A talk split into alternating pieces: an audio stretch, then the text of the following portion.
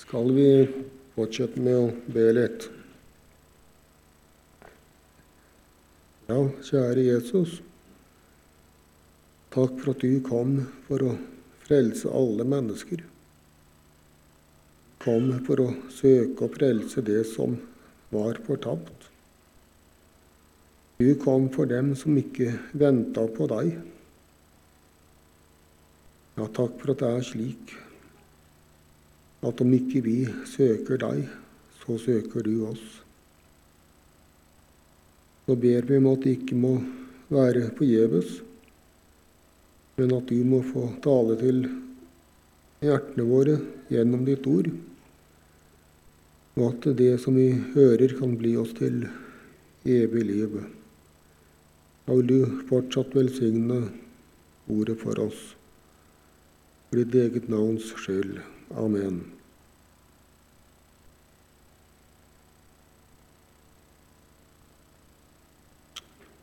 Ja, forrige søndag på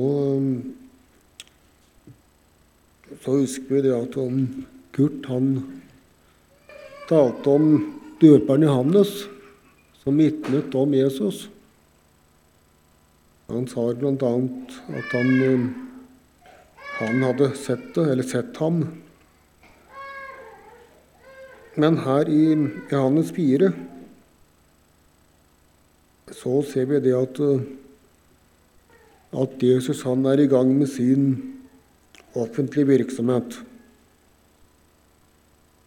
Og vi leser ifra vers 1 i Jesu navn.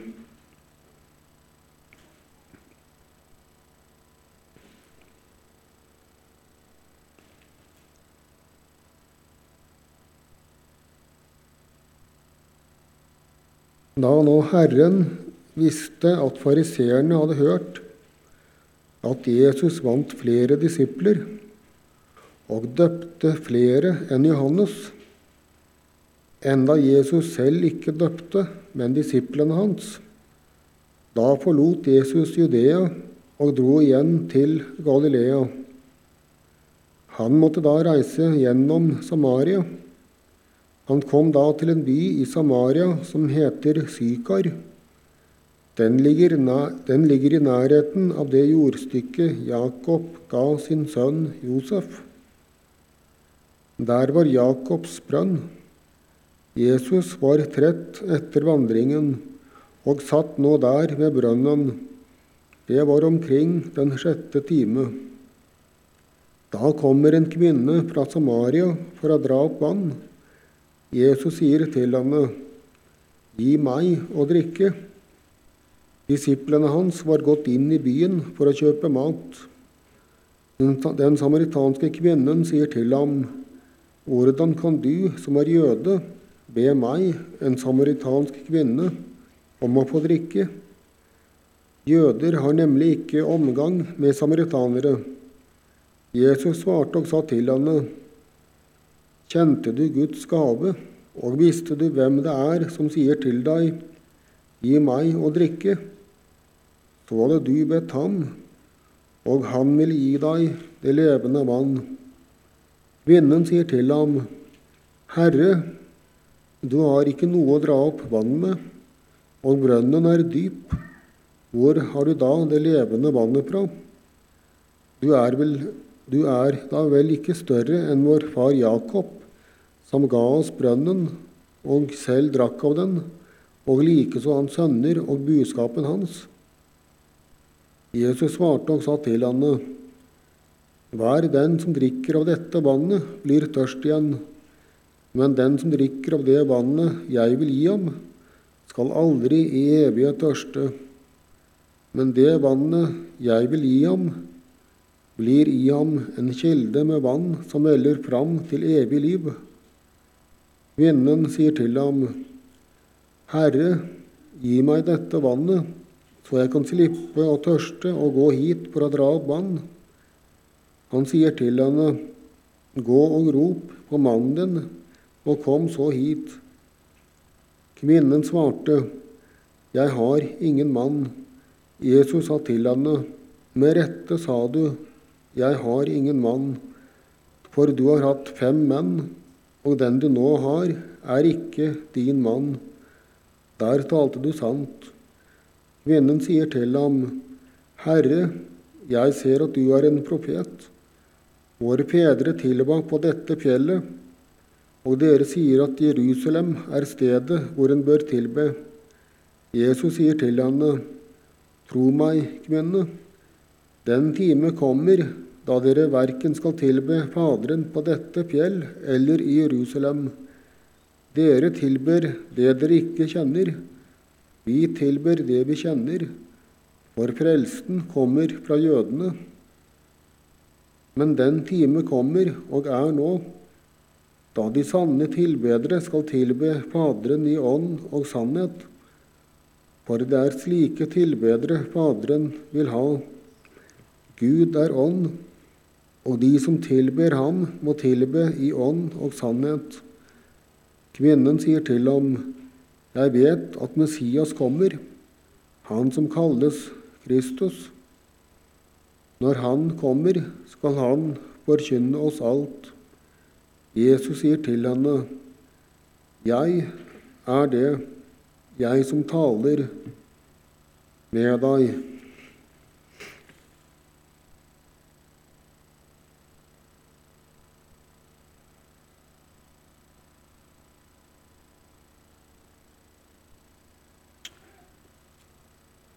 Ja, vi leste jo her i det første verset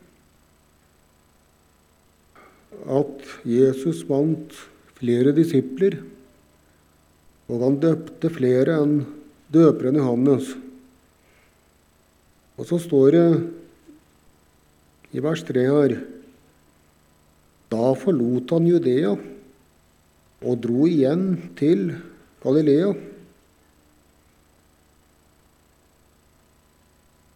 Ja, det var jo en merkelig strategi. Nå som han endelig hadde stor framgang.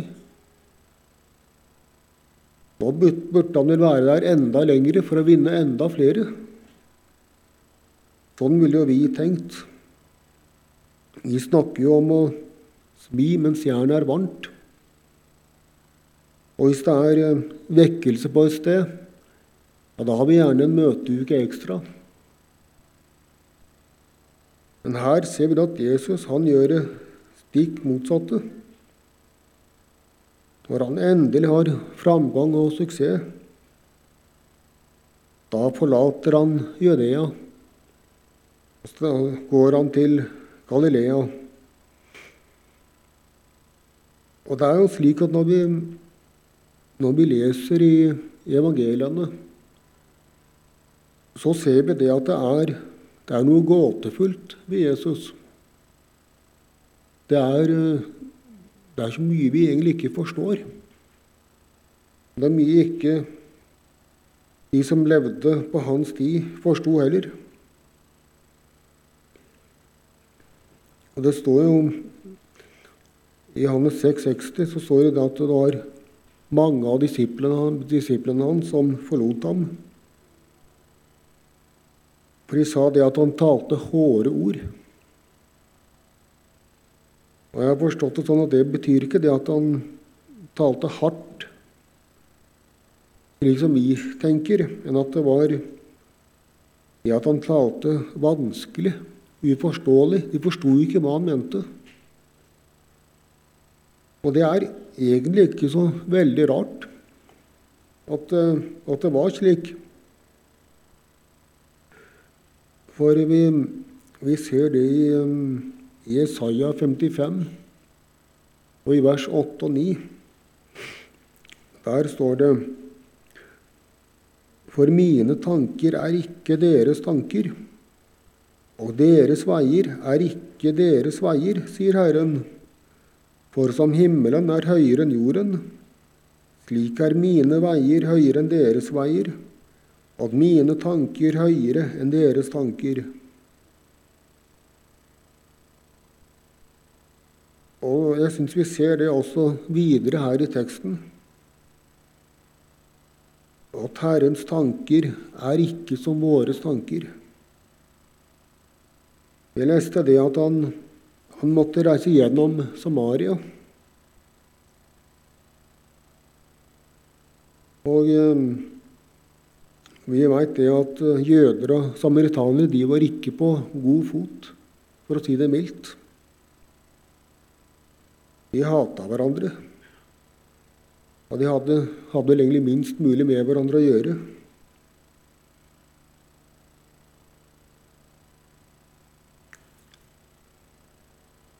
Og så allikevel så reiser Jesus gjennom Samaria. Ja, hvorfor måtte han reise gjennom Samaria, der dette forhatte folket bodde? Ja, jeg tror vi kan, på en måte kan si at det var av samme grunn som at som han måtte vandre blant sitt eget folk, som forkasta ham. Det står eh, litt etter det som vi leste i vers 34. Min mat er å gjøre Hans vilje, som har sendt meg, og å fullføre Hans gjerning. Det sier Jesus til sine disipler. Og hva er det som er Hans vilje? Jo, det er at alle mennesker skal bli frelst og komme til sannhets erkjennelse. Det er Hans vilje. Og hele Jesu gjerning det er et eneste langt vitnesbyrd om nettopp det. At han vil at alle mennesker skal bli frelst. Nå kommer han altså til byen Sykar i Samaria. Vi leser at han var trøtt etter vandringen, og han satte seg ved brønnen. Det står at det var en sjette time, omtrent midt på dagen. Og vi leste at disiplene de hadde gått inn for å kjøpe mat. Og da skjer den hendelsen som apostelen Johannes vil ha fram. Midt på dagen, når, den er på, på det varmeste, hvor de fleste ville holde seg i ro var det i skyggen og slappe av. Da kommer en samaritansk kvinne for å hente vann. Og det kommer også fram etter hvert at hun lever i hor. Og det er nok det som er grunnen til at hun kommer fram til brønnen akkurat nå, når hun venter å ikke treffe noen. Hun har i hvert fall et stort, hun har nok et stort håp om det.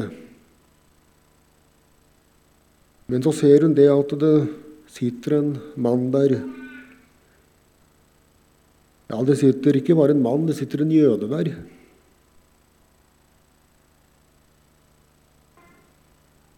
Og hvem er det som sitter der og, og venter på denne kvinnen? Jo, det er Han som ingen skapning er skjult for. Det er Han som alt ligger nakent og bart for. Det er Han som ser tvers igjennom alt.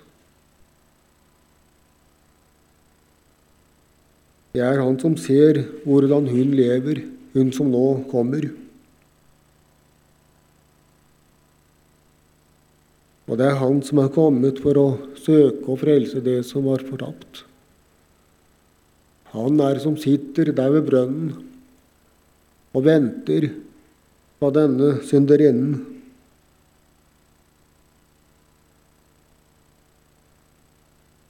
Ja, vi kan skjule oss for mennesker så godt vi kan, men ikke for Guds sønn. Han ser både vår sanne stilling, og han ser hva vi trenger.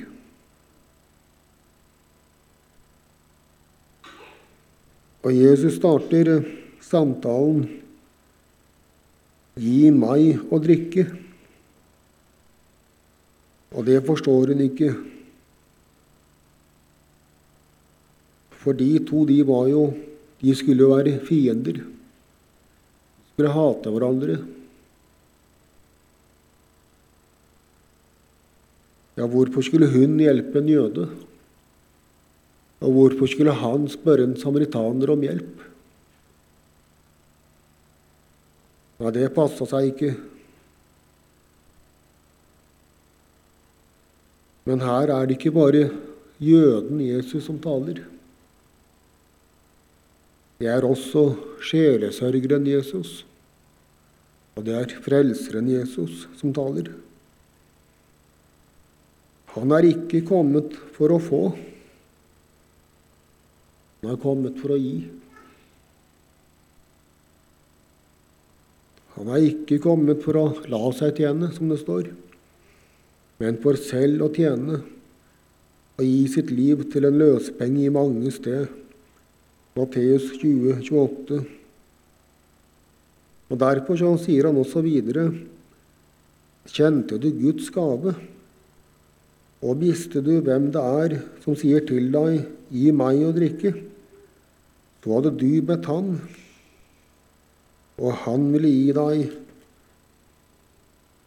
levende vann.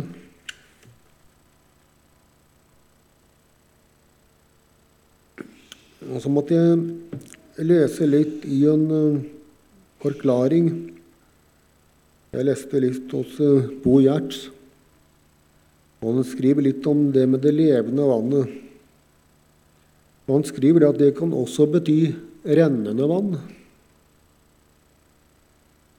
Altså da som motsetning til denne brønnen, som bare har vann som ligger i, i bånn. Og så sier han videre at bildet av vannet det, lett, det blir lettere forstått i den regnfattige Orienten enn her hos oss. Vannet bærer med seg liv. Dobbelt verdifullt blir det når det veller fram fra marken uten å tørke ut. Og vi kan forstå det at, eh, at kvinnen hun undrer seg over, det, over dette her.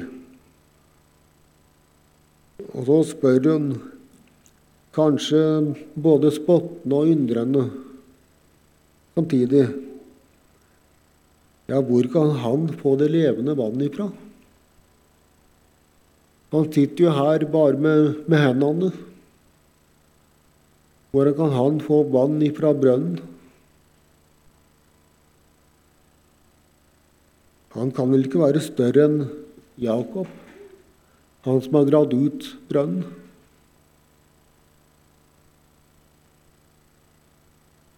Og så ser vi at Jesus han gjør det klart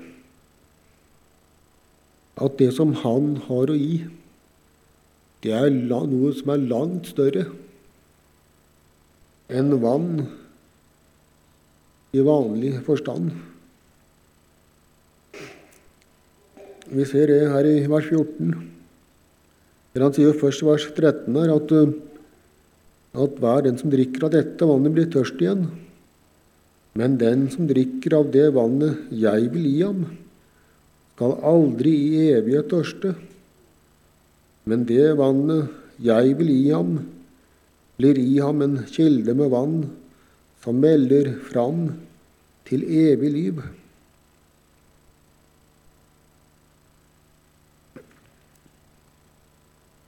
Det virker som om eh, den samaritanske kvinnen fortsatt egentlig tenker på vanlig vann.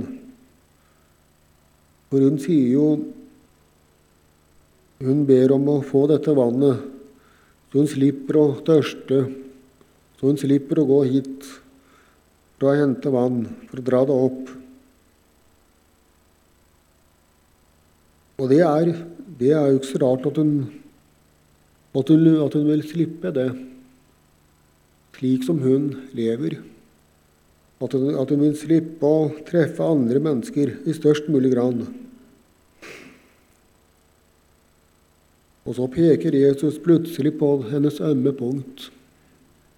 det som hun egentlig helst vil unngå.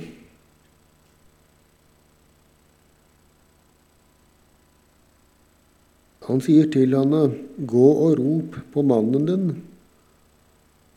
og kom så hit.' Kvinnen svarte, 'Jeg har ingen mann.' Jesus sa til henne, 'Med rette sa du, 'Jeg har ingen mann', for du har hatt fem menn, og den du nå har, er ikke din mann. Der talte du sant. Dette visste Jesus på forhånd. Det visste han når hun kom imot ham. Likevel så snudde han seg ikke og gikk. Han som er Guds sønn, han som hater synd.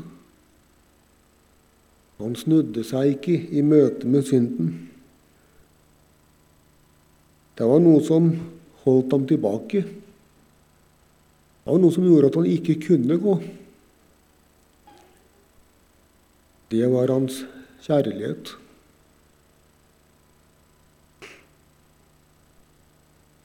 Det var hans fullkomne kjærlighet.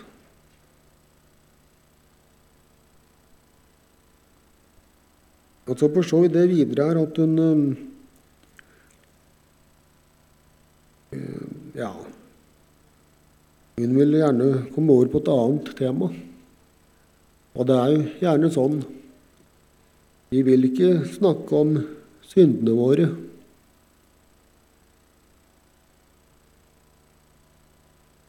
Men vi forstår likevel det at hun, i og med at hun sier det, kaller han for en profet,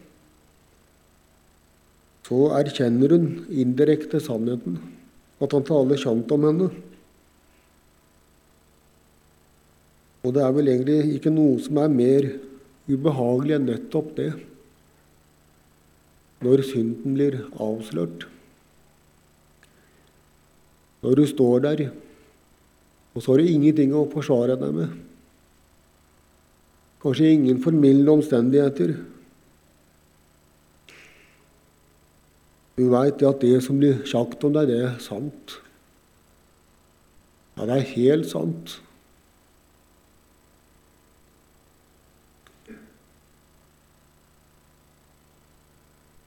Og Derfor så hun å skifte tema. Og det går på hvor de skal, skal tilbe.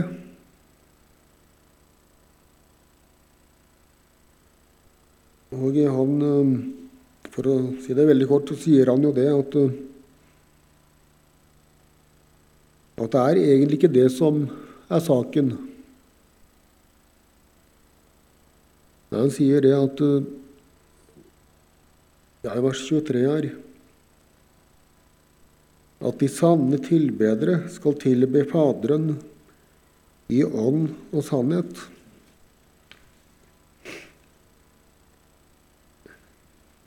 Og det er jo slik at bønn, det er ikke en gjerning. Det er ikke noe vi skal gjøre for å tilfredsstille Gud. Det er ikke noe vi skal få til eller lære utenat, for å si det sånn. Nei, bønn det er en hjertesak. Og det blir det først når det blei som for denne kvinnen. Når synden blei åpenbart. Når hennes uverdighet blei åpenbart. Når du får se det at du ikke kan stå i Guds dom. Når du får se det at du mangler egentlig ikke bare litt. Det er ikke slik at du nesten er bra nok. Men du får se det at alt er galt. Vender du deg til ett sted, ja, så er det galt der. Og vender du deg andre veien, ja, så er det enda verre der. Ja, du erfarer det at du, du er bare synd. og det som Gud krever, det mangler du.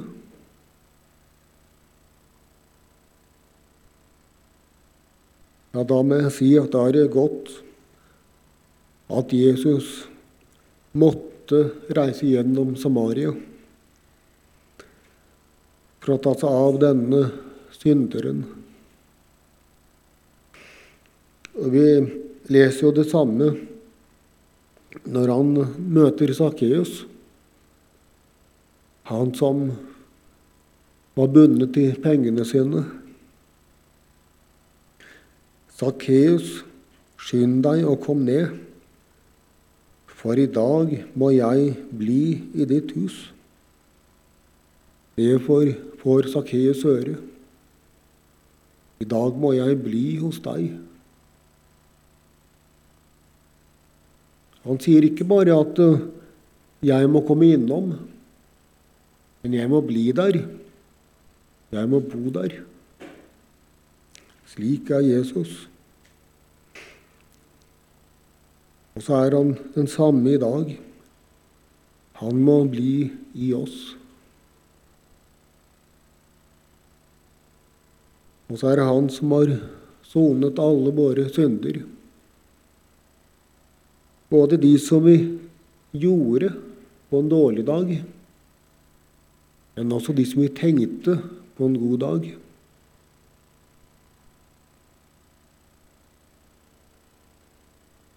Ja, det er sant som døperen Johannes vitnet. Se der Guds lam, som bærer bort verdens synd bærer bort din synd og min synd.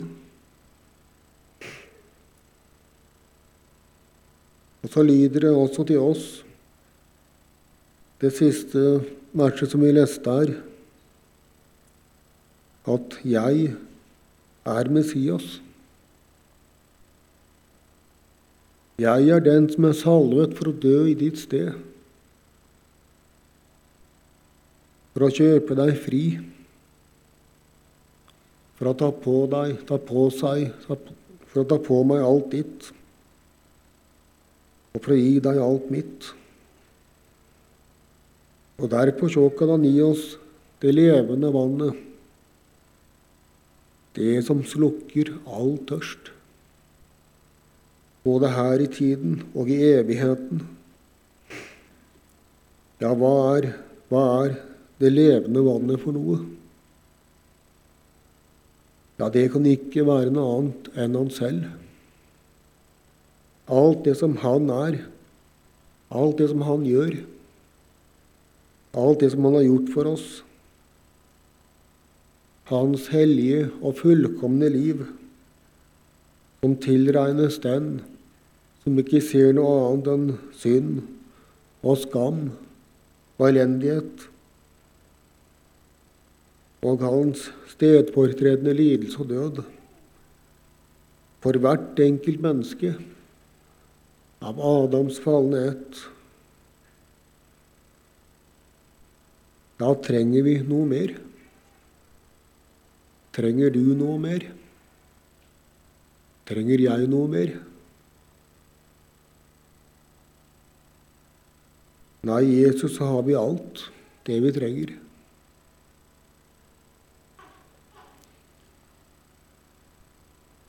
Og Så vil jeg til slutt lese en del av, eller størstedelen av en andakt i den lille husandaktsboka til Rosenius.